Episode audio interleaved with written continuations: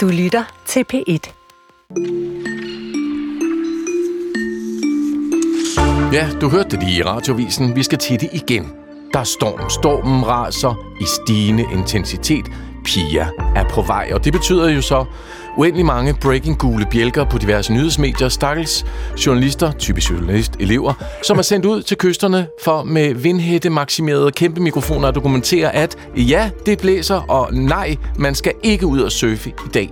Vi prøver at se nærmere på den navnelej, der altid finder sted, når en ny storm truer de danske kyster. Den hedder altså Pia nu. Det er alligevel også lidt vildt. Lyt mere om 20 minutter. Det her det er også timen, hvor du kan høre digter Søren Ulrik Thomsen fortælle om det gode menneske, og det er vores lille julefølgetong om det gode menneske. Og så kommer Berlingskes film- og tv-journalist Sara Iben Anbjerg ligger året, der gik i seng, hvad angår tv og film. Velkommen til Kulturen, og det er i dag med Jesper Dein og Chris Pedersen.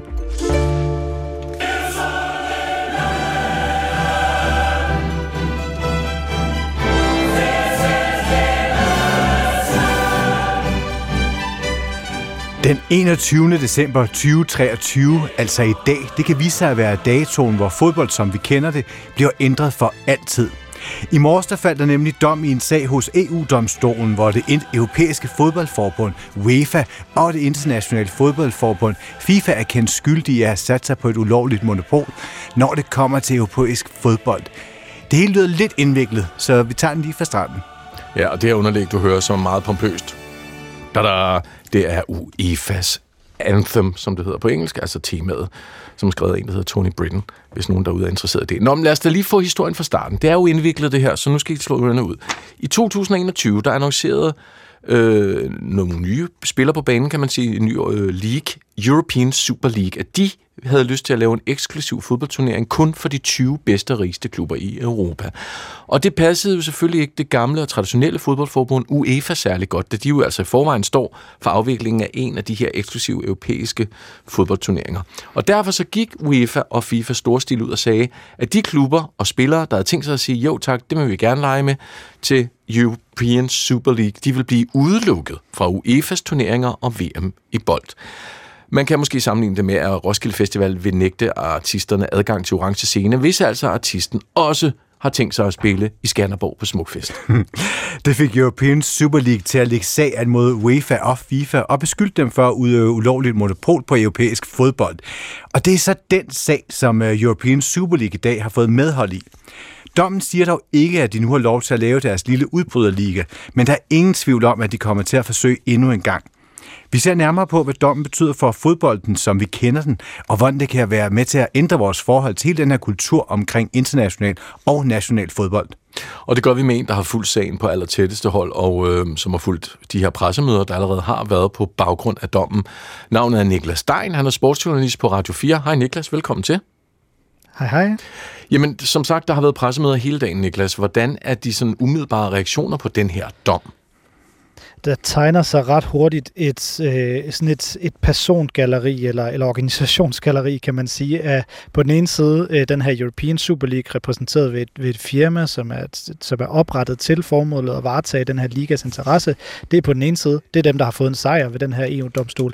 Og på den anden side er hele det i forvejen etablerede øh, fodboldsystem, de her store fodboldorganisationer, UEFA, FIFA, på sin, måde, øh, på sin vis også DBU herhjemme, som jo selvfølgelig har været i, i UEFA's øh, lejr, de er over på den anden side, de har fået et nederlag og skal ligesom sådan tilbage til lejren og finde ud af, hvad gør vi ved det her nu? Skal vi lave vores regelsæt om? Øh, hvor meget skal egentlig laves om og så videre, skal helt til at læse sig ned i de her statutter. Så der er sådan en, en, en, en deling mellem, mellem to parter, øh, så at sige, der, der sidder og, og har ansigtet i, i to meget forskellige folder lige nu. Og altså UEFA og FIFA, de har udøvet ulovligt monopol, det har vi domstolens ord for. Hvordan kommer det til at ændre europæisk fodbold, som vi kender det? Det er det, der er svært at komme med et entydigt svar på, men vi kan i hvert fald sige, at bolden er fuldstændig op i luften, for nu at bruge en, en sportsmetafor.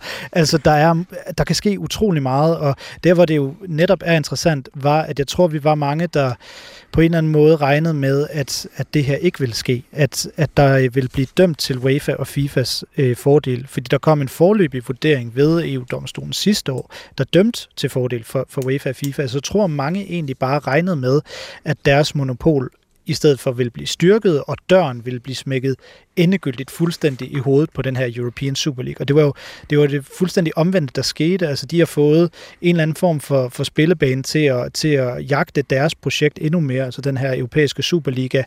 Og hvad der så kommer til at ske, det det, det har jeg virkelig ikke noget godt svar på, men, men mulighederne er åbne, og det er det, der sådan set er historien her, at, at, at European Super League og de her øh, personer bag, som, som, som gerne vil det projekt, de har altså fået muligheden for det, og deres muligheder er ikke blevet lukket.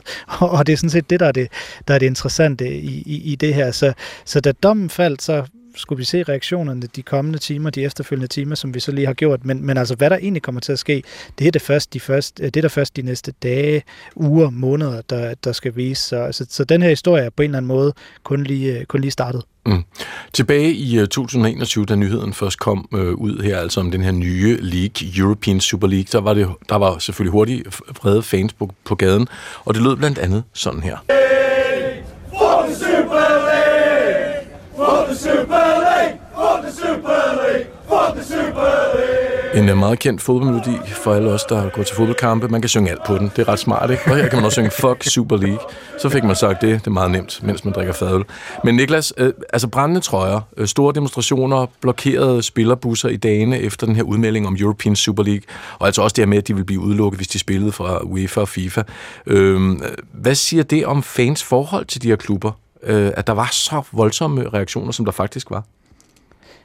Det siger, at den her fodboldpyramide, som, som vi kalder det med et lidt fortærsket udtryk, den er enormt etableret. Og, og det fodboldsystem, vi kender i dag, øh, den måde, det er meritokratisk øh, opbygget, og med, med de her organisationer, UEFA og FIFA og alle klubberne under det, og den her Champions League som den store guldkalv, som alle vil, vil, vil spille sig med i, og både fordele i prestigen og, og, og pengene, de er så enormt etableret. Og det var det, vi så også i 2021. Det var, at der var nogen, der egentlig kom og sagde, hey, vi har et andet system, vi har en anden måde at gøre det på, også over for klubberne, også over for fansene.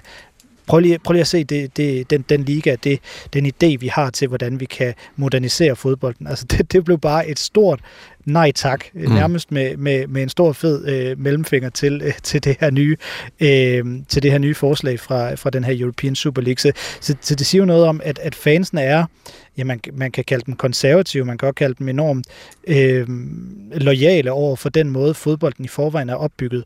Øh, den status både organisationerne, ligaerne, men, men især mm. klubberne øh, har opbygget øh, og på en eller anden måde organisk øh, øh, gennem tiden. Det, det, det er sådan, fansene synes, det det skal være. Jeg håber stadig, du er der, Niklas. Er du der? Jeg tror, hans telefon ringede. Øhm, det lyder lidt sådan. Øhm, oh nej, oh nej. Nej, nej. Vi må blive nødt til at ringe ham op, øh, fordi han er hoppet ud af systemet. Øhm, jeg er tilbage, ja. Nej, du er, det, det er godt, Niklas. Hurra! Fordi det, jeg vil spørge dig om, det er, at du siger, at de er meget, meget konservative, de her øh, fans. De vil helst ikke have nogen ændringer.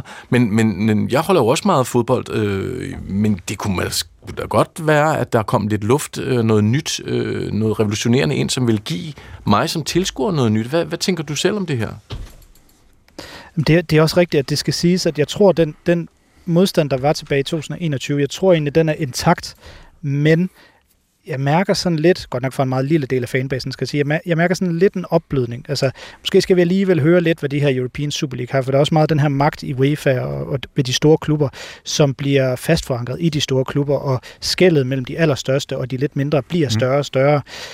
Og, og, og omvendt skal man også sige, at den her European Super League, de, altså det projekt, de så er kommet med i dag, lige efter dommen, øh, for de kom allerede en time efter, kom de og sagde, sådan her, sådan her skal vores turnering se ud. Øh, det, er, det er også en enorm stor opblødning i forhold til, hvad man, hvad man så tilbage i 2021. Øh, de er virkelig imødekommet fansene. Altså, øh, der skal flere klubber med, der skal være op- og nedrykning. Der er ikke nogen, der skal være sikret en, en fast, permanent plads i det her. Så Altså, det er, det er noget fuldstændig nyt. Øh, jeg tror, at den, bliver, øh, den her European Super League stadig bliver enormt svær for kræfterne bag at få, øh, få etableret, men parterne begynder på en eller anden måde at, at møde hinanden, og jeg tror, der er flere fans, igen, ikke særlig mange fans, men jeg tror, der er flere og flere fans, som begynder i hvert fald lige at sige, okay, lad os se, hvad det er, de her European Super League øh, har på, på beding. Lad os lige høre dem, høre dem an, og så kan vi, så kan vi tage stilling øh, bagefter. Men Niklas, altså fodbold, det er super kommercielt. Kan man forestille sig overhovedet en fodbold, der er mindre kommerciel?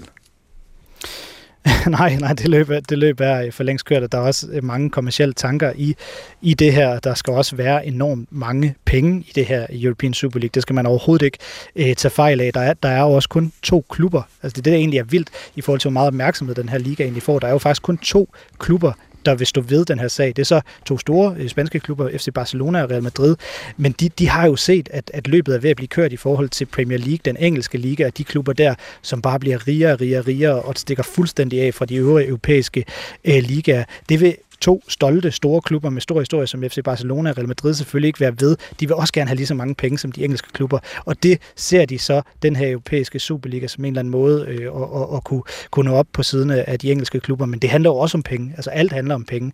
De ser det bare som en måde, hvorpå de kan få, få endnu flere penge. Så, så det er ikke sådan en eller anden stor romantisk øh, øh, tilbud til, til, til fodboldromantikere, det her. Det er også super kommercielt.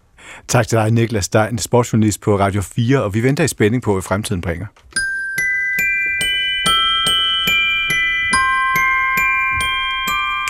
Kunne du høre, det var til dig, Chris? Ja. Et lille klokkespils jingle. Vi skal, øh, vi skal se det på, der er gået. Hele ugen har vi set tilbage på forskellige dele af kulturen, som den foldede sig ud i året, der har gået. I går var det moden, og i forgårs var det året for kunstig intelligens. Og nu øh, er vi nået til en af de kulturemner, hvor man virkelig har fået øh, rigtig mange minutter og smæk forskellige og masser af lys og farver og så videre på film og tv. Øhm, der har været strækker, kontroversielle havfruer, så en vaskeægte biografkamp mellem to Hollywood-giganter.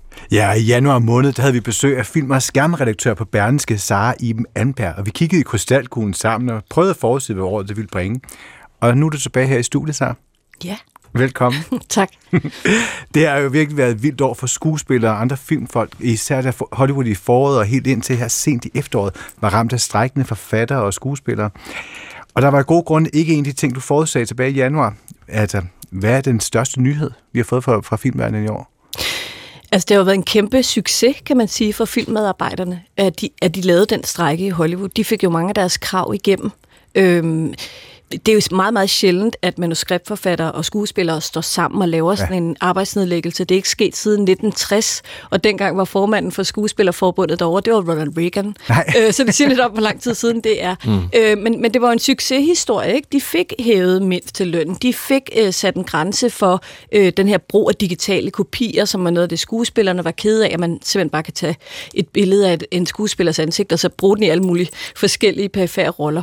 Øh, det fik man jo sat en stop stopper for. Så det synes jeg jo faktisk er, er virkelig værd at glæde sig over øh, på branchens vegne. Mm. Øh, og måske kan vi også glæde os nu, fordi nu har filmbranchen jo virkelig været presset i knæ først af corona, så er en strække.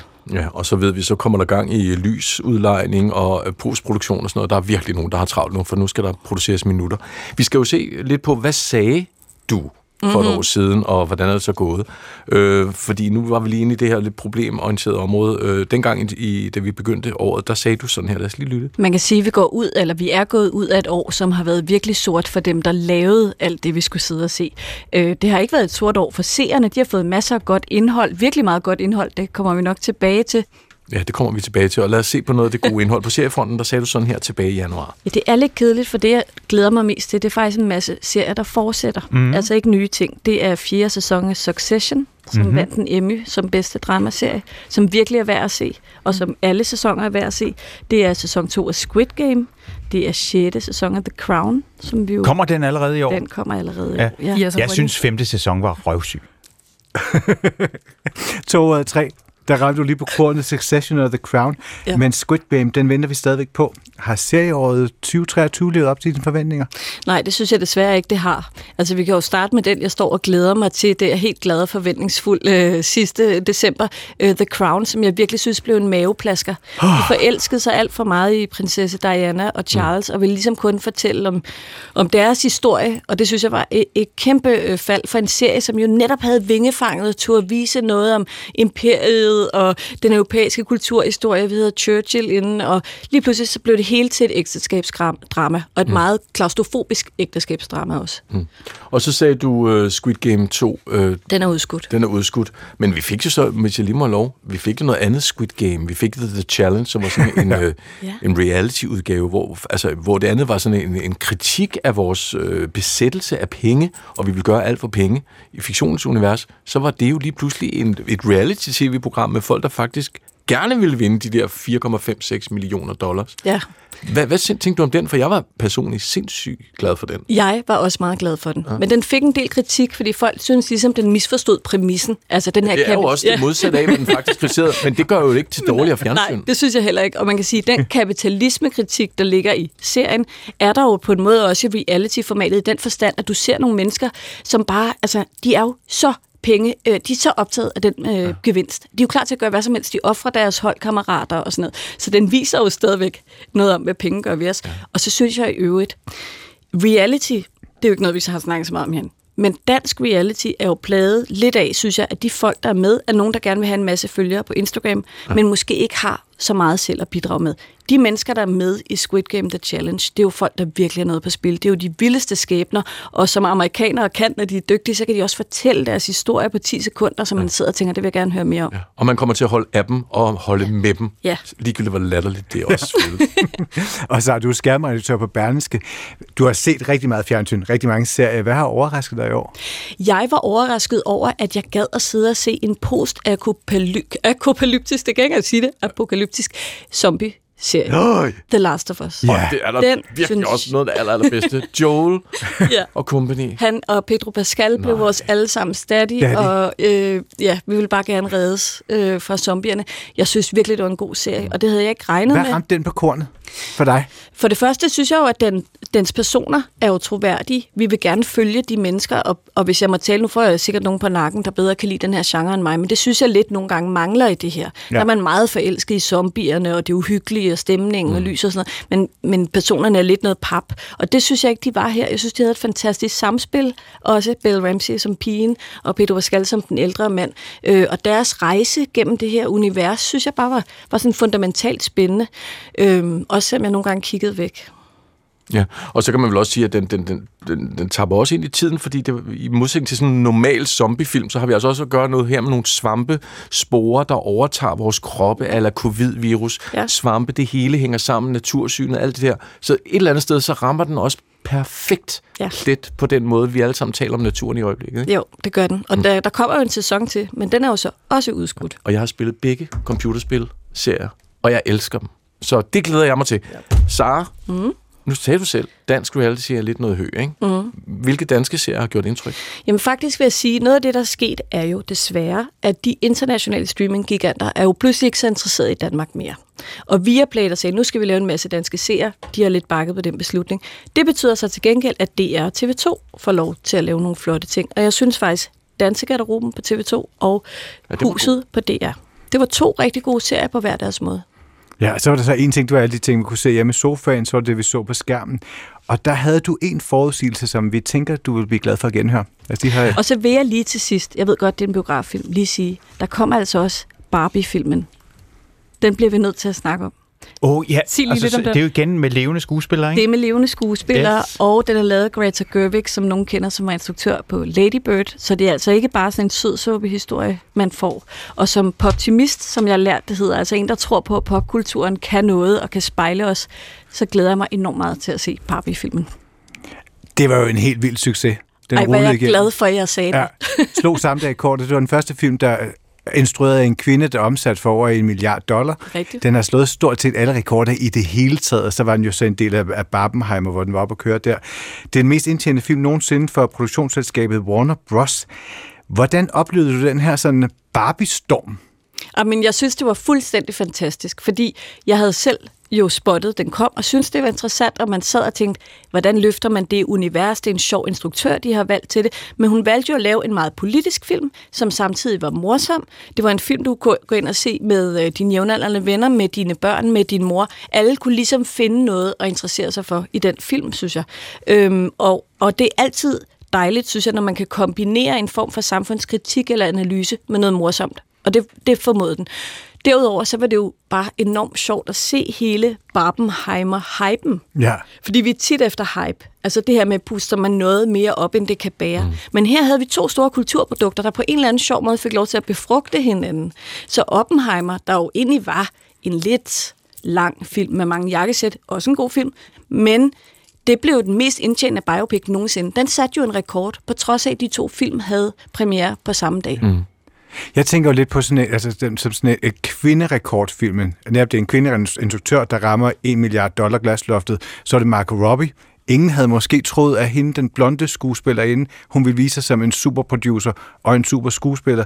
Men, men handlingen var jeg måske lidt i tvivl om, om den kommer til at sætte sig som, altså, om 10 år vil vi så huske indholdet af Barbie-filmen, eller hvad er det, vi vil huske i 10 år? Hvad for en historie tror du, den kommer til at skrive? Ja, jeg, jeg er heller ikke sikker på, at den sådan, som, altså, som, hvis du tager filmens element, så synes jeg, det var en ret banal pointe, den havde. Altså, det var jo sådan en feminisme-light-historie.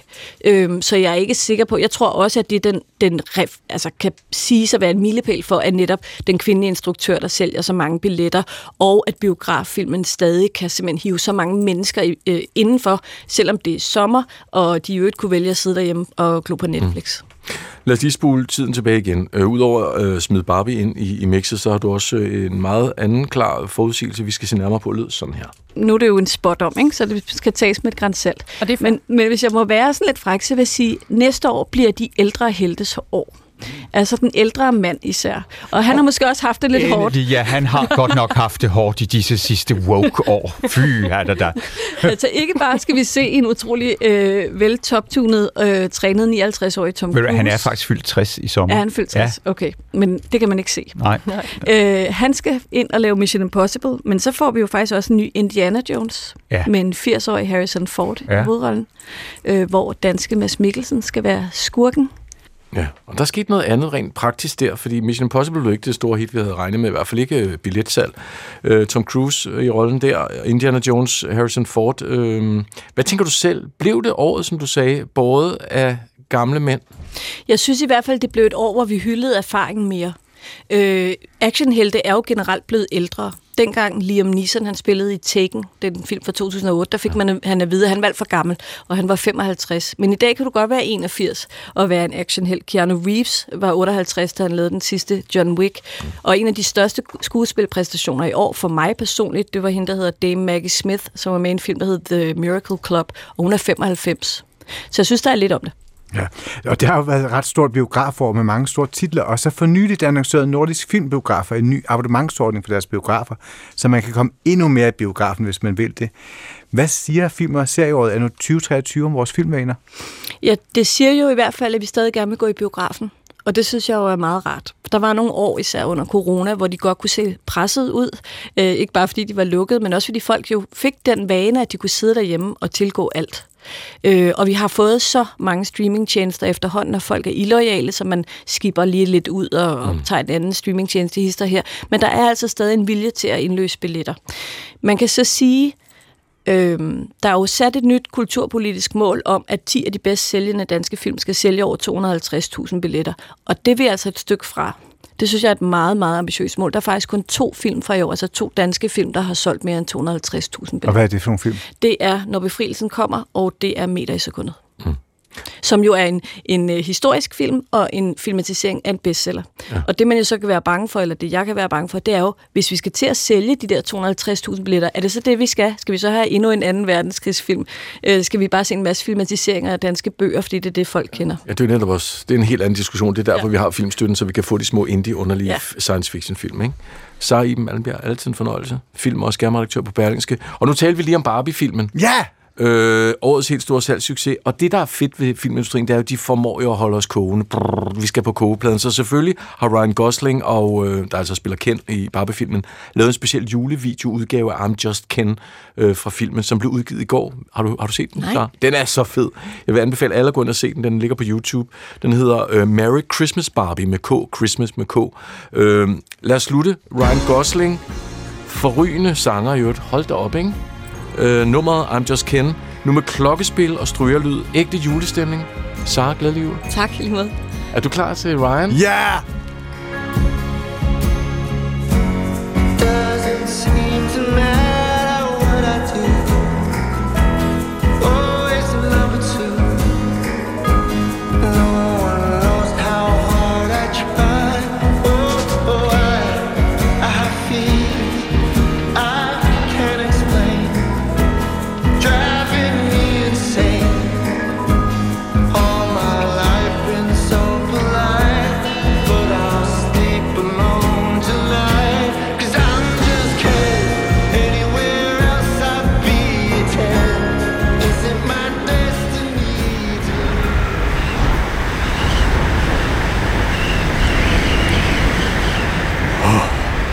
Vi står herinde i et varmt studie, men udenfor der raser en storm, og den hedder Pia.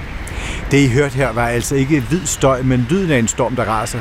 For lige at få lingoen på plads, så er det en storm, når middelvindshastigheden er mellem 24,5 og 32,5 meter i sekundet. I denne omgang, der kan der komme vindstød og orkanstyrke i det nordvestlige og vestlige Jylland, og der er iværksat det helt store stormberedskab. Det er altså en ordentlig mobbedreng. Og alle os, der elsker naturfag i gymnasiet, kan måske huske Bofors vindskala. Vi havde en plakat i hvert fald i øh, videnskabslokalet, og når vi øh, kigger på den og kigger op på 30 meter sekundet, så står der stærk storm. På land vil det opleves som talrige ødelæggelser. For at stå skal man holde sig fast. Og på havet, umådeligt, læg mærke til ordet, umådeligt, høje bølger og stærkt forringet sigtbarhed. Men nu skal det altså handle om, hvorfor den her storm den har fået navnet Pia. De navngives helt kort efter alfabetet, det vil sige DMI gumler sig storm efter storm gennem skiftevis drenge- og pigenavne. Det vil sige, nu hedder det noget med P, og næste gang skal stormen så hedde noget med Q. Held og lykke med det. Du hedder Jesper. Jeg hedder hedder Jesper Chris. Mjør. Du har Chris, der går rigtig lang tid, før vi overhovedet bliver navnesøstre med nogen øh, storm. Men hvorfor er det, vi har det her øh, naturfænomen, menneskenavnesystem? Og har det overhovedet nogen betydning for, øh, hvordan vi forstår stormen? Det skal vi koncentrere os om. Men først, mine damer og herrer, skal vi øh, høre fra en, hvis navn lige nu er overalt. Står på Ekstrabladet, jeg ved ikke mange gange, og bliver sagt i radioen. Det er Pia, vi kalder stormen, og nu har vi Pia Kærsgaard, medlem af Folketinget for Dansk Folkeparti, igennem. Hej Pia. Er du der? Hallo? Er du der, Pia? Pia? Der er ikke rigtig nogen piger igennem. Nå, men så... Hallo, kan du høre Hov, mig nu? Ja, nu kan jeg høre dig. Er du der? Der var jeg. Det var godt. Åh, det er godt. Det var godt. Tak skal du. Det er godt, jeg blev også helt ja, ja. nervøs. Jamen altså, du er, Ja. du er der. Jamen, Pia, forklar, hvordan er det at være Pia Kærsgaard, og så øh, en storm, der hedder Pia? Det er sgu altid rart at være Pia Kærsgaard næsten altid, synes jeg. Men øh, jeg har jo grinet lidt af det og taget det positivt, fordi der var flere, der begyndte at bemærke det. Så tænkte jeg, okay, den tager jeg da til mig. Altså, så skal man også lige opnå at blive, få en storm op- opkaldt efter sig. Altså, så kan man jo næsten ikke nå højere. Har du lidt karaktertræk, du deler med en storm, tænker du? Det ved jeg så om ikke. Altså, frisk pust over landet, kunne man også sige, ikke? Det kan Ja. selvfølgelig også være lidt voldsomt, det er jeg godt klar over. Den er ikke rigtig begyndt endnu, øhm, men, øh, men det kommer sandsynligvis. Sidste storm, det var i februar 2023, og den hed Otto. Og så tænker vi sådan lidt, der siden, 20, altså siden 2023, har du så gået og håbet på, at dit navn skulle være det, der bliver hævet op af hatten? Har du Nej, nogensinde tænkt over det? Overhovedet ikke, og, og jeg hører først nu, hvordan øh, det egentlig foregår. Det, det har jeg egentlig tænkt lidt over. Hvordan, øh, hvordan gør man egentlig det her? Men man gør det åbenbart, som I lige har fortalt, efter alfabetet. Mm. Piger og drengenavn, eller hvad er kvindenavn. Og det er da egentlig okay. Altså, og så er jeg da glad for, at øh, det lige røg ud til mig. Pia, du er jo medlem af Folketinget for Dansk Folkeparti. Og tilbage til navngivningen. Er der nogen navn, du mener ikke må lægge navn til danske storme? Hvordan vil du have, hvis, hvis det nu i fremtiden kommer til at hedde Mohammed, for eksempel? Jamen, det, det, altså, det, det er jo overskrevet, ikke? Altså, M, glem det, ikke? Det er rigtigt, men så kunne der være andre navne. Du ved, hvad jeg fisker efter. Skal det være danske storme, danske navne, eller hvordan har du det med det? Det er jo ikke noget, det er jo ikke noget jeg bestemmer. Nej, det altså, ved jeg men godt. Jeg, jeg, jeg tror da, at det er meget naturligt øh, med danske storme, man så tager nogle ganske almindelige øh, danske navne. Det Det, det, tror jeg, at man vil fortsætte med. Nå, men hvis du selv nu sad på DMI og var hende med takstokken, hvad vil du så sige? Til hvad? Om hvad navne de skulle have? Vil du så lave en, en eller anden klausul om, at det skulle helst være danske Ej, navne? jeg tror, det foregår helt, helt, helt naturligt. Mm. Altså, lad nu være med at lave det i den kontekst hele tiden. Så fortsætter ud af en anden spor. Fordi mange storme mister jo pusten og skuffer lidt. Og det er jo isoleret set jo meget rart i forhold til materielle skader og mennesker. Det må vi jo sige, det bliver vi jo glade for. Men, meget- men også lidt skuffende, hvis man er stormjæger. Og vi har set rigtig mange alarmer om storme, ligesom nu. Der står vi også lidt i alarmberedskab gennem tiden. Og så næste dag har der været sådan en, en Og havestol. så det ud. En det havestol, der var væltet, og så får vi Ja. t-shirts med Ja. I Survived the Big uh, Storm. Håber du, Pia bliver vild og mindeværdig? Ah, altså, det skal jo ikke gå ud over nogle mennesker, eller huse, eller diger, eller noget i den stil. Det, det synes jeg vil være meget, meget trist. Øh, Og må jeg så lige indskyde en politisk bemærkning, nu er jeg direkte på. Jeg synes jo, at staten skal øh, understøtte de her diger rundt omkring. Altså, der skal vi have noget kystsikring. Det er skidt, at folk skal gå og være bange. Nå, fik jeg lige sagt det. Ja, ja. men, men, øh, men uanset hvad, altså vi skal jo engang mellem bruges lidt op i vejret, og øh, jeg kan så kun hu- håbe på, at øh, efter den her storm, kan vi så ikke få noget sne, fordi det er jo altså jul på lørdag. Så det, det kunne vi jo bare, det kunne vi jo bare ønske nu. Det er vi enige om. Ja, Pia Kærsgaard, mange tak for at være med. Og så lad os håbe, Pia, at, det, at du ikke tager julen fra os alle sammen som en Grinch. Det gør jeg ikke. Det Glædelig er jul. glædelig jul alle sammen. Det er godt. Og så kan jeg fortælle, at der er 23.736 personer i Danmark, der hedder Pia. Øh, ja, så tillykke til Pia med at være en af dem. Men nu har vi kommunikationschefen for DMI i studiet, Michael Skelbæk Kamp. Øh, Michael, velkommen. Jo, tak skal du have. Og du er ikke i studiet, du er på en telefonlinje, kan vi jo høre nu. Er det kun fantasien, der sætter grænser, eller er der kriterier for, hvordan man navngiver? Ah, vi har dog sat nogle kriterier op, øh, for ligesom at kunne ramme lidt bedre ind, hvad sådan en storm skal hedde. Michael, må jeg lige sige noget til dig? Øh, sidder Ja. du meget langt fra mikrofonen, fordi det, den, det, du må meget gerne sætte dig så tæt på den mikrofon. Jeg tror, det er en bærbar, du sidder med måske. Øh, jeg kan prøve noget andet. Nå. Det er bare fordi, at man, man kan godt høre, hvad du siger, men det ville da være skønt at få dig lidt tæt på ørerne. Var det her bedre? Der var du meget bedre, det er så fint. Tak skal du have. Undskyld, Chris, Ja, jeg er afbryder dig. Det var bare for, at vi skal høre Michael ordentligt. Jamen, nu er du tættere på her. Nu starter jeg på et andet spørgsmål. Hvordan, hvornår begyndte man at, hvad hedder det, at navngive stormene? Jamen, det gjorde man tilbage i 2013, hvor vi havde en storm øh, forbi Danmark, som ikke havde noget navn på daværende tidspunkt. Men det synes Ekstrabladet faktisk, man skulle have, så man lavede en afstemning i Ekstrabladet. Og den øh, købte daværende klimaminister Martin Lidegaard ind på, og øh, han øh, adopterede det navn og gav stafetten videre til Demi og sagde, fremadrettet så skal I øh, døbe stormene. Hvorfor havde man brug for det? Jamen, det er der flere årsager til, men den største årsag, det er simpelthen for at kunne lave klare budskaber i en kritisk situation. Nu hørte jeg godt, du sagde, at der er mange storme, der kan miste pusten lidt, og det er der måske også nogen, der gør. Men der er også nogen, som jo reelt er, giver nogle farlige situationer, og desværre har vi jo øh, gennem de sidste 10 år jo set dødsfald ved, ved nogle af stormene. Så det er jo for at kunne komme ud med et klart budskab om, hvad der sker, øh, så man kan tage sine forholdsregler. Og det er jo også sådan, at, øh, at det er jo ikke kun os, der er ude og kommunikere om, om vejret her. Der er jo også en masse beredskaber rundt omkring. Vejdirektorat, DSB og så videre, som har behov for at komme af med nogle informationer. Øh, så på den måde, så spiller vi jo alle sammen sammen om at kunne levere de klare budskaber om, hvad det er, der venter danskerne. Og det her med, at naturfænomener bliver navngivet med menneskenavne, er det også for øh, en eller anden form for kampagne, branding, mediebevågenhed? Nej, det er det egentlig ikke, men det er klart, når en storm har et navn, så bliver det nemmere også for medierne at kunne formidle budskaberne. Øhm, det er der ingen tvivl om. Og det er jo også, trods alt, når vi kommer lidt længere frem i tiden, hvis jeg siger, begynder at fortælle lidt om den storm, der var den 5. december 2013, så er der nok ikke så mange, der lige husker, hvad det var for noget. Hvis jeg nu siger stormen Bodil, så begynder folk mere at kunne sætte billeder på, hvad det var, man oplevede dengang. Der var også en Allan der i 13. Det, kan Det var der På også, min ja. fødselsdag, 28. oktober, du. Nå, hold da op, det, Nå, kan Det var lille Allan, der kom Allan det var sådan en følelsesgæst. Jamen, Allan var fesen. Er det ikke rigtigt? Jo, det var den. Det er sjovt, fordi det er, det, med, det er nærmest en personificering af den her storm, og jeg, og jeg, synes, det var, jeg synes faktisk, det var ret sjovt, den her storm, den hedder Piger, øh, og det er piger, der buller. Har jeg overvejet, om det kan have nogle negative, konsekvenser, når øh, store, potentielt faretruende naturfænomener får navn?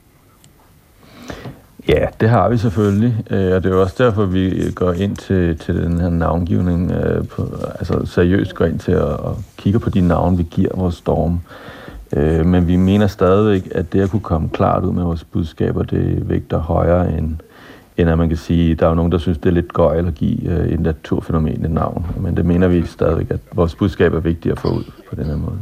Og hvorfor er det menneskenavne? Det kunne jo også være, altså man kunne også give dem blomsternavn. Øh, det har jeg godt nok aldrig tænkt over. Spiritusnavn. Øl. Der har jo været en, øh, en Stormen vis tequila. historik inden for, ja, der har været en vis historik inden for meteorologi i at give øh, fænomener, altså storme, navne. Øh, blandt andet de tropiske storme får jo navne har fået det i ufattelig mange årtier. Jo. Så, så der ligger også noget historik i det. Når I nu sidder der, øh, og en storm nærmer sig, hvor, altså nu har vi været inde på det i forhold til det bogstaverne og række, nu er det Q næste gang, der forestiller jeg mig, at det bliver, det bliver lidt interessant at sidde i mødelokalet, fordi Q er godt nok et svært bogstav med at gøre. Nu skal vi ikke stykke ned i så meget af det, men med det med, hvad er processen omkring det? Hvor mange sidder omkring sådan et bord og finder ud af det? Øh, jeg tror det eller ej, så er der ikke så mange omkring det bord til at starte med. Der sidder typisk jeg og nogle af mine kollegaer i kommunikationsafdelingen, og så vælger vi fem navne ud med det pågældende bogstav.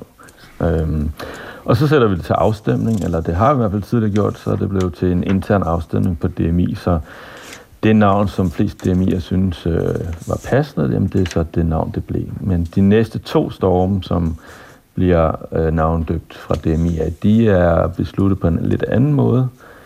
DMI havde 150 års jubilæum sidste år, så derfor vil vi gerne åbne processen mere op, så derfor har alle dem, der har været gæster til Kulturnatten og været forbi DMI's bod der, de har fået lov til at stemme om R og S. Nå. Jeg kan ikke lade være med at tænke på, at det lyder så meget sådan, altså, åh, etnisk danske navne, dem som de her storm, de har fået. I har jo faktisk også muligheden for at normalisere et minoritetsnavn, som kunne være Ahmed, Fatima eller Jasmin. Hvad for nogle tanker gør I sig gør omkring det? Jamen, vi går faktisk relativt meget ind for, eller vi går meget ind for, for det her. Så det er også nogle af dem, som, som man nok kunne opleve fremadrettet, øh, navne af den grad. Jeg vil sige, vi har jo selvfølgelig nogle navne, vi ikke øh, bruger, altså et navn som Jesus, øh, Mohammed, øh, Margrethe faktisk bruger vi heller ikke i forhold til dronning Margrethe. Der er nogle navne, som vi ikke bruger, men nogle af dem, du nævnte her, vil vi helt sikkert også godt kunne bruge. Og det vil også sikkert også øh, kunne, øh, kunne afspejle sig af de afstemninger, vi kommer til at køre fremadrettet. Mm. Jamen, det er jo så en uh, breaking news, der kommer her ved siden af Stormen, Pia. Mm. Tak skal mm. du have. Det var For, så lidt. Ja, inden, jeg smutter, ja. inden du smutter, så har jeg lige lyst til at spørge om hurtigt ting. Altså, får du nogensinde henvendelser fra folk, der er skuffet over ikke, øh, altså, som, som gerne vil, vil, vil presse deres eget navn igennem? Nej, så nogen har jeg ikke øh, haft så mange. Jeg har flere i virkeligheden, som øh, skriver til mig, ej hvor dejligt, at det er mit navn. Øh, jeg fandt i hvert fald ud af, at vi har en, jeg tror, vi har fire piger på DMI i øjeblikket, som nærmest alle sammen har skrevet til mig. Det var meget pudsigt. Perfekt. Godt. Vi holder øje med, øh, vi holder øje med stormen, øh, og holder os indenfor i aften, hvis vi er ude ved kysterne. Mm. Lad os håbe, at juletræerne ikke bliver så væk inden søndag. Tak fordi du var med. Michael Skelbæk, ja, Kamp, kommunikationschef for DMI. Hvis man ikke ser sig på sig selv som god, men som en, der godt kan tage fejl, så har man også de bedste muligheder for at korrigere sig selv, for så får man nemmere øje på de mindre gode ting. Det siger digter og essayist Søren Ulrik Thomsen, som er dagens gæst i Kulturens julekalenderlov. Og det er altså den her lille serie, hvor vi undersøger begrebet godhed. Og hver dag spørger en kunstner eller en anden kulturpersonlighed, hvad de gør for at være et godt menneske. Søren Ulrik Thomsen han føler sig utryg i miljøer, der stiller store krav, eller med andre ord har alt for høje idealer omkring det at være et godt menneske. For han har egentlig ret stor afstand til det med at være god. Jeg prøver ikke på at være god, men jeg prøver at opføre mig ordentligt. Og hvorfor det? Ja, det er fordi, det er en, øh, en øh, måske en mere beskeden og en mere realistisk øh, tilgang til det. Øh, fordi øh, der ligger en masse fare i, hvis man prøver at, at se sig selv som god, synes jeg. Øh, fordi det, det, det gode, det er jo, altså det gode sådan i absolut forstand, det er på en måde et mysterium. Ja, og det, det er lige præcis det næste, jeg godt kunne tænke mig, at øh, vi tager fat i. Hvad er det ved begrebet om at være et, øh, et menneske, der så opfører sig ordentligt eller er god, som er så mystisk? Mm, nej, altså, det gode, det er jo det absolut gode. Det, det er, opfatter jeg som et mysterium. Lidt ligesom kærligheden er et mysterium. Og ondskaben er et mysterium. Og faktisk også personligheden. Altså, det er jo et mysterium, at der kun er en af hver. At selvom øh, man er født ind i en søskendeflok og har, er, kommer fra den samme genpulje og opvokset under de samme vilkår, så er man overhovedet ikke ens. Der er kun én af hver. Og det indser man jo, hvis, når et menneske dør, så bliver det klart for en, at den person kommer aldrig nogensinde tilbage. Så det, det er en af grundene til, at jeg tror på Gud. Det er, at, at personligheden er et mysterium. Men kærligheden er jo også et mysterium. Altså man kan sige, hvorfor, hvorfor elsker jeg min kæreste? Jamen det er fordi hun er, hun er smuk, og hun har fregner, og hun har rap i replikken, og uanset hvor mange superlativer, jeg kan sætte på hende, så vil der være tusind andre kvinder, der også vil øh, leve op til det. Men, men grunden til, at jeg elsker hende, det er, at der kun er en af hende, at, at, at det, kærligheden er et mysterium. Mm. Og det samme med ondskaben også. Fordi der findes ondskab, som slet ikke kan forklares. Og på samme måde, så synes jeg, at det gode, det absolut gode, som er noget, der kan komme helt overraskende ud af den blå luft, det er, det, er ikke noget, det er ikke noget, man kan indfange. Ligesom man heller ikke kan indfange lykken, men man kan prøve at opføre sig ordentligt. Øh, og det prøver jeg så. Det lykkes ikke altid, desværre. Men, men det, det ligger sådan i det, at, at det er noget, der aldrig kan blive opfyldt absolut, øh, men noget, man skal bestræbe sig på. Og er det derfor, at du ikke øh, som sådan umiddelbart har lyst til at kalde dig selv for et godt menneske, fordi det er overladt til mysterierne, om man er det og bliver grebet af den der spontane godhed? Jeg vil bestemt ikke kalde mig selv et godt menneske, fordi jeg synes, at hvis man begynder øh, på det, øh, så det, det rummer en hel masse, en, en, en masse fare. Øh, for det første, så er man jo allerede, øh, altså det gode har jo på en måde ikke, noget, øh, ikke nogen hensigt. Det er hensigtsløst. Øh, men hvis man begynder at kalde sig selv et godt menneske, så har det allerede en hensigt, fordi så er man begyndt at smire sig selv. Øh, og så rummer det også en anden fare, og det er, at hvis man synes, at øh, alle de ting, man gør, de tjener et godt formål, øh, så har man allerede givet sig selv fripas øh, til, altså så er man pludselig så anstændig, at man øh, har lov til ikke at opføre sig ordentligt. Øh, og det synes jeg er en, en stor fare. Mm. Og det synes jeg er, er noget, som øh, desværre er en fare for meget idealisme. At man ligesom siger, at fordi jeg, det jeg gerne vil, det er så godt, at jeg faktisk har lov til lige i den her situation at gøre noget, som måske ikke er helt fint i kanten, men jeg gør det på, for, på grund af et, øh, et, et højere formål. Så det er så snart man begynder at føre regnskab, at det bliver problematisk? Det synes jeg. Og snart man begynder at kigge sig selv i spejlet og, øh, og, og, og, hvad hedder det, og, og se sig selv som god. Og, øh, der er jo også en anden ting, der sker, hvis man, når man begynder at se sig selv som god, og det er, at så har man fået fripas til at sige, at de andre ikke er det. Mm. At de andre er dårlige. Og det er jo faktisk noget af det, der er det mest tiltrækkende ved at være god. Men er det ikke det, som vi mennesker bruger nærmest det meste af vores tid på at sammenligne os med andre mennesker? Og også finde ud af, hvor vi øh, måske er bedre end de andre? Mm, ja, der vil jeg hellere sige, at, øh, at der er masser af spørgsmål, hvor jeg måske mener noget andet end, end andre, og ser på tingene på en anden, anden måde. Men i det øjeblik, jeg begynder lige frem at sige, at, øh, at jeg er god, og jeg er bedre, og det jeg mener er bedre end de andres, så har jeg også givet mig selv lov til at tale grimt om de andre, eller se ned på dem. Og det, det synes jeg er en, øh, en stor fare. Altså hvis man skal vise det i sin allermest alvorlige konsekvenser, ikke, så, så vil jeg sige, at øh, sådan et eksempel som, som kommunismen, stalinismen, øh, det var jo en tankegang, der ville gøre det så godt som muligt for så mange mennesker som overhovedet muligt. Og i det øjeblik, man ligesom var overbevist om, at det var det, det her projekt gik ud på, øh, så kunne man også sige, nu er vi altså lige nødt til at slå en million mennesker ihjel, fordi så vil 100 millioner få det meget bedre bagefter. Og allerede der, der er man, det, det er jo at, at vise det i sin yderste konsekvens. Ikke? Mm. Øh, men sådan på et mere øh, hverdagsagtigt plan, så synes jeg også, det rummer nogle farer. Og og synes, at, at man hele tiden gør det gode. Men hvordan adskiller det sig fra at opleve sig selv som et menneske, der opfører sig ordentligt? Hvorfor er det egentlig anderledes? Mm. Fordi det ikke er så absolut. Altså opføre sig ordentligt, det betyder også, at man, at man måske ikke er øh, specielt... Øh, altså jeg kan godt opføre mig ordentligt over for dig, selvom jeg måske øh, ikke øh, bryder mig om dig eller, eller situationen den er, er, jamen, er situationen er akavet, eller alt muligt. Ikke? Det er noget, det er noget, at opføre sig ordentligt er noget mere øh, udvendigt. Mm. Og det synes jeg er godt. Jeg synes, det er godt, at det er udvendigt. Altså noget, noget af det, som at på et tidspunkt øh, under studenteroprøret og hippiebevægelsen og 60'erne, der gjorde man jo sådan set op med de, de borgerlige høf, høflighedsformer, fordi de var, det var udvendige. Mm. Hvorfor skulle jeg sige goddag og farvel, og, når jeg ikke mener det, og have en god... Hvad, hvad, altså, Sidde pænt ved bordet. Øh, tal med, have høflighedsfraser over for andre, når jeg ikke mener det. Men jeg synes jo, at de der høflighedsfraser, de er fantastisk gode, fordi de gør, at jeg kan, også, jeg kan opføre mig ordentligt, også på dage, hvor jeg er forfærdelig vred og sur og fået det forkerte ben ud af sengen. Så ved jeg, hvad jeg skal sige til kassedamen i supermarkedet af pæne ting, sådan at hun kan komme igennem sin dag. Så det, det der med, at der var en kritik af det, fordi det var udvendigt, det er jo netop fordi det er udvendigt, at, at de er gode til at, at regulere vores adfærd.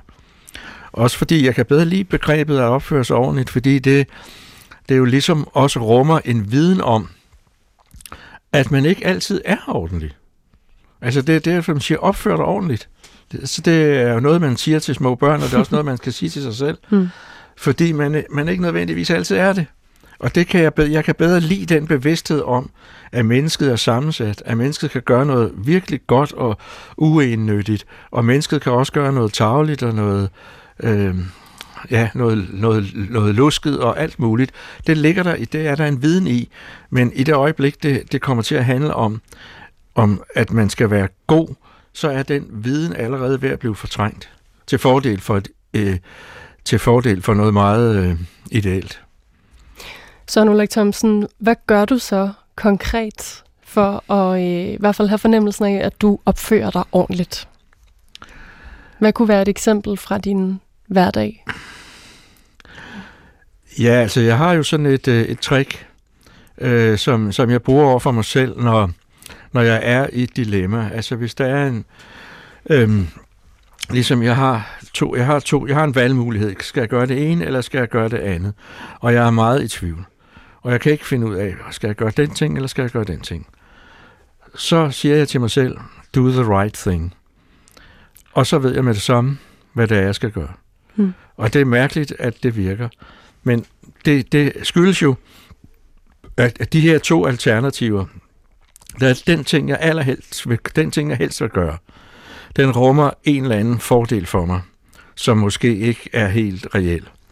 Og den anden ting, som jeg ikke vil, den rummer en eller anden ulempe, som jeg helst er fri for. Øh, og det er derfor, jeg ikke kan vælge mellem det. Men når jeg så siger det der, så ved jeg, hvad jeg skal vælge. Sker det nogle gange, at du ikke vælger the right thing, selvom du lige har haft den sætning inden Ja. at vende? Det, det, det gør det. Okay. Men, men øh, det, er, det er på en eller anden mærkelig måde, fordi det er sådan en populær ting fra amerikanske film, så, så, så virker det tit i hvert fald. Har du et eksempel på, hvor det har virket godt? Nej, det, det, det, har, det, det har jeg ikke. Fair nok. Men jeg ved, du har en øh, anden historie, som handler om en form for godhed, vi Ja. ikke har talt særlig meget om endnu, som du har kaldt for spontan godhed. Ja. Hvad ligger der mere konkret i det begreb for dig at se? Ja, men det er, jo, det, er jo, det er jo, når jeg siger de her ting, så er det jo ikke for at sige, at det gode ikke findes, fordi det gør det. Men det gode, det er ligesom hensigtsløst, der kommer ud af den blå luft. Øhm, og den historie, som jeg tænker på, det er, at øh, når jeg var ung og, og skulle rejse til udlandet, tog et tog sydpå. Så holdt jeg mig altid vågen ind til Hamburg, øh, hvor man så kunne lægge sig i sovevognen. Øhm, og grund til, at jeg holdt mig vågen, det var fordi, når så synes jeg, jeg, nu var jeg kommet til udlandet, når jeg var kommet til Hamburg. Mm. Og der var så en aften der, hvor toget kørte ind i Hamburg, og jeg stod og kiggede ud af vinduet, øh, fordi jeg ville se alle lysene fra byen og fra kravens kraner. Øh, men problemet det er jo så, at når man står i sådan et oplyst øh, toggang, så reflekterer ruden, så man ikke rigtig kan se ud. Så jeg stod sådan og dækkede for øjnene med mine hænder, for at kunne se ud af vinduet. Og så kommer der en togkonduktør gående gennem toget, og lige det passerer, han passerer mig, så slukker han lyset i loftet, og så er han væk. Øh, og det har jeg aldrig glemt, fordi det gør han jo for min skyld. Øh, og han var så hurtigt væk, at han ikke engang kunne få tak. Det vil sige, han kunne intet få ud af det. Det var en, en ren skær gestus øh, ud af den blå luft for, for, for min skyld. Ikke? Hmm. Øh, så, så det har jeg tit tænkt på, at der, når mange gode gerninger er glemt, så, øh, så husker jeg den. Og hvorfor adskiller det sig fra almindelig god opførsel? For Ja, ja, det kunne det- jo også tolkes som en høflig handling, at han lige ville hjælpe dig. Ja, det kan det. At han gjorde the right thing lige der, da han Ja. slukkede for lyset. Men du tolker Ja. det som en slags godhed. Hvorfor det? Øh, måske fordi han intet kunne få ud af det. Altså overhovedet. Øh, altså han, han gør en høflighed, men han kan ikke engang få en modhøflighed tilbage. Altså han kunne ikke engang få et tak tilbage. Men selvfølgelig kan det også være udtryk for at opføre sig ordentligt. Det kan være, at han anser det for en del af, af sin øh, pligt der som konduktør. Hmm. Det kan det. Men altså, jeg har faktisk lige været ude for en meget tvetydig situation øh, i øh, metrotoget på vej herud til DR-byen. Fordi øh, øh, jeg, jeg øh, er jo en øh, ældre herre med hvidt hår, og før i tiden, der var det jo sådan, at øh, når man kom ind i en bus eller et tog, at så var det kutume, at de yngre de rejste sig op, så de ældre kunne sidde ned. Og så er der en dame, der siger, jeg kommer ind i toget, og så siger hun, øh, vil du ikke sidde ned? Jo tak, siger jeg så. Så viser det sig, at det ikke er hendes eget sæde, hun vil give mig, men det er en ung kvinde, der sidder ved siden af hende, som skal rejse sig op for mig. Og det gør hun så også, og jeg siger tak og sætter mig ned. Ved siden af hende, der havde tilbudt dig et sæde. Ja, og hvad hedder det? Øh, altså, det er jo en interessant ting, ikke? Fordi hvad er det? Altså, er det en godhed fra hende damens side, eller er det en ondskabsfuldhed overfor, at den unge kvinde ikke har reageret høfligt på, Hvad- at der træder en ældre herre ind? Hvad tænkte du selv, da du fandt ud af, at du ikke fik et sæde af hende, der tilbød dig et? Jamen, det var simpelthen så akavet. Jeg, så, så jeg sagde tak til den unge kvinde, som rejste sig op, ikke? Ja. Og så på et tidspunkt, den dame, der så har tilbudt mig sæde, så er hun så gået ud, og hendes sæder blev ledigt, og så tilbyder jeg det til den unge kvinde. Og, så, så, og det, det, det tager hun ikke imod, fordi hun skal af, men så udveksler vi bare et ironisk blik, ikke? Eller, fordi, fordi hun også godt vidste, at det havde været akavet for mig, ikke? Hmm. Så det er, jo, det er jo en tvetydighed. Hvad er det her? Er det noget godt, eller er det noget lidt... Øh, altså, lidt, lidt, lidt ondskabsfuldt? Og det var egentlig øh, mit øh, måske afsluttende spørgsmål, Søren Ulrik Thomsen. Det umulige spørgsmål, Mm-hmm. som handler om, hvordan man afgør, om noget er godt eller er, er god og ordentlig opførsel. Vi kan jo bruge det her som eksempel. I havde jo helt klart ret forskellige oplevelser af, hvad der var det rigtige at gøre i det her tilfælde, mm. lyder det som om. Men hvad tænker du generelt? Hvordan kan man vide det? Nej, det, det, det kan man heller ikke vide i nogen øh, øh, absolut forstand. Altså, det, man, kan, man kan kun henholde sig til et indre kompas og en sund fornuft, og, øh, og det er jo ikke fordi, jeg er imod øh, store idealer. Øh, altså, men jeg mener, at de store idealer, de er der måske ikke for at blive opfyldt, men for at advare os, hvis vi er på, lang, for, på vej for langt væk fra dem. Altså, hvis man tager nogle af de her radikale øh, Jesus-ord, ikke, om at, øh, at man skal vende den anden kind, hvis man bliver slået, skal man vende den anden kind til, og man skal elske sine fjender, og alle de der ting, som, som jeg ikke tror, at der er nogen andre end netop ham, som har kunne leve op til. Men meningen er nok heller ikke, at man skal leve op til dem, men at man skal blive klar over det, når man er på vej væk, for langt væk fra dem. Så derfor er ide- idealer er der, er der gode, men man skal bare ikke bilde sig ind, at, øh, at man kan komme til at inkarnere dem. Når du nu bruger øh, noget religiøst kristendom mm. i det her tilfælde til en eller anden form for rettesnor, man kan læne sig op af i mm. den der afgørelse af, hvad det gode og det forkerte vil være at gøre i en eller anden given situation. Mm. Hvad så med alle de, vi lever jo i et kulturkristent, hvis overhovedet et religiøst land. Hvad med alle de mennesker, inklusive mig selv, som ikke øh, har en religion at læne sig op af? Skal godhed alligevel være vurderet ud fra samme parameter? Nej, men så har du måske nogle andre idealer. Ikke? Så har du sikkert nogle andre idealer, hvor, hvor du kan måle på, om er, er jeg... Altså, du skal ikke gå og måle på, om er jeg nu enormt god, men du skal måske måle på, om du er på langt, for, på vej for langt væk fra noget af det, som du egentlig synes er, er det ideelle. Ikke? Hmm. Altså, der, der, er jo, altså, der er jo også to modstridende opfattelser af det her, øh, som, altså, på den ene side, så er der sådan en venstreorienteret opfattelse, som er, at mennesket ligesom er født godt, øh, men det er blevet ondt og dårligt på grund af samfundsforholdene. Og det vil sige, at hvis vi får ændret samfundet, og det samfundet bliver så ideelt, så vil vi alle sammen også være gode. Det er en opfattelse. Men så er der også en helt modsat opfattelse, som er sådan en radikal luthersk opfattelse af, at mennesket er totalt fortabt, øh, i, i, for fordærvet og syndigt, og intet godt kan gøre af sig selv. Og begge de to opfattelser synes jeg sådan set er forkert. Fordi jeg, altså, jeg, jeg synes, at, at, øh, at mennesket kan gøre meget godt, men det kan også gøre meget ondt. Og man skal være, man skal være bevidst om, at øh, der er den sammensathed øh, i mennesket, og derfor er der også en masse institutioner og love og, og regler og opdragelser og selvtugter, der, der, gør, at man, bliver, at man civiliserer sig. Øh, og midt i alt det, så kan der også pludselig bryde sådan en spontan, uventet godhed igennem det hele. For eksempel, at nogen slukker lyset, når man prøver at se ud af togvinduet. Lige præcis. Og sådan sagde digter og essayist Søren Ulrik Thomsen, da vi spurgte ham til begrebet godhed, og til at være et godt menneske, og det var her i Kulturens julekalender. Vi ramler ind i en radiovis lige om lidt, men øh, hvis du ja, har fulgt med bare en lille smule, så ved du, at der har været ret meget ballade om øh, balletskolen, det kongelige teaters balletskole, kritik af den måde, eleverne bliver behandlet på og undervist i. Ja, tidligere år, der udgav BBC faktisk en dokumentar, der også handler om eleverne derover, og nu er der så flere elever fra en tredje skole, London Vocational Ballet School, der står frem, og det fortæller politikken i artikel i dag. En af de her elever, hun var 11 år gammel, da hun hvad hedder det, var på balletskolen, og hun fortæller, at en elev eller en lærer har sagt til hende, du lyder som en elefant, når du lander. Måske vil du lande lettere, hvis du ikke vejede så meget. Du ligner en bodybuilder. Og hende er eleven, hun gik på London Vocational Ballet School, og det er altså den tredje engelske skole, hvor det her har bredt sig til, og hun fortæller selvfølgelig til BBC, og skolen siger, jamen de har da ikke modtaget nogen klager fra Madeleine Kuna og hendes familie, og en rapport fra den tilsynsmyndighed, der selvfølgelig er med de her skoler, konkluderede, at skolen gjorde et citat fremragende arbejde med elevernes udvikling. Ja, og så er der Luke, Jennings, tidligere balletmester på den her skole, han har tidligere sagt til The Observer, ja, det bunder i sexisme. Øh, de her unge mennesker, de bliver behandlet som objekter. Og det fortæller politikken også. Ja, så det breder sig. Ja.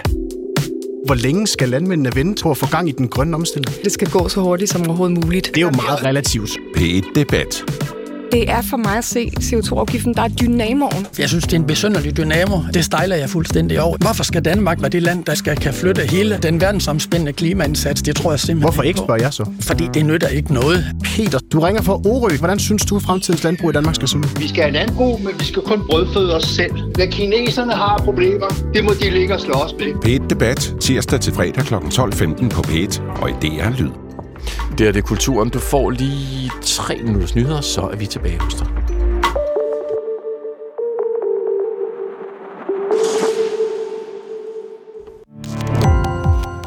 Gå på opdagelse i alle DR's podcast og radioprogrammer. I appen DR Lyd.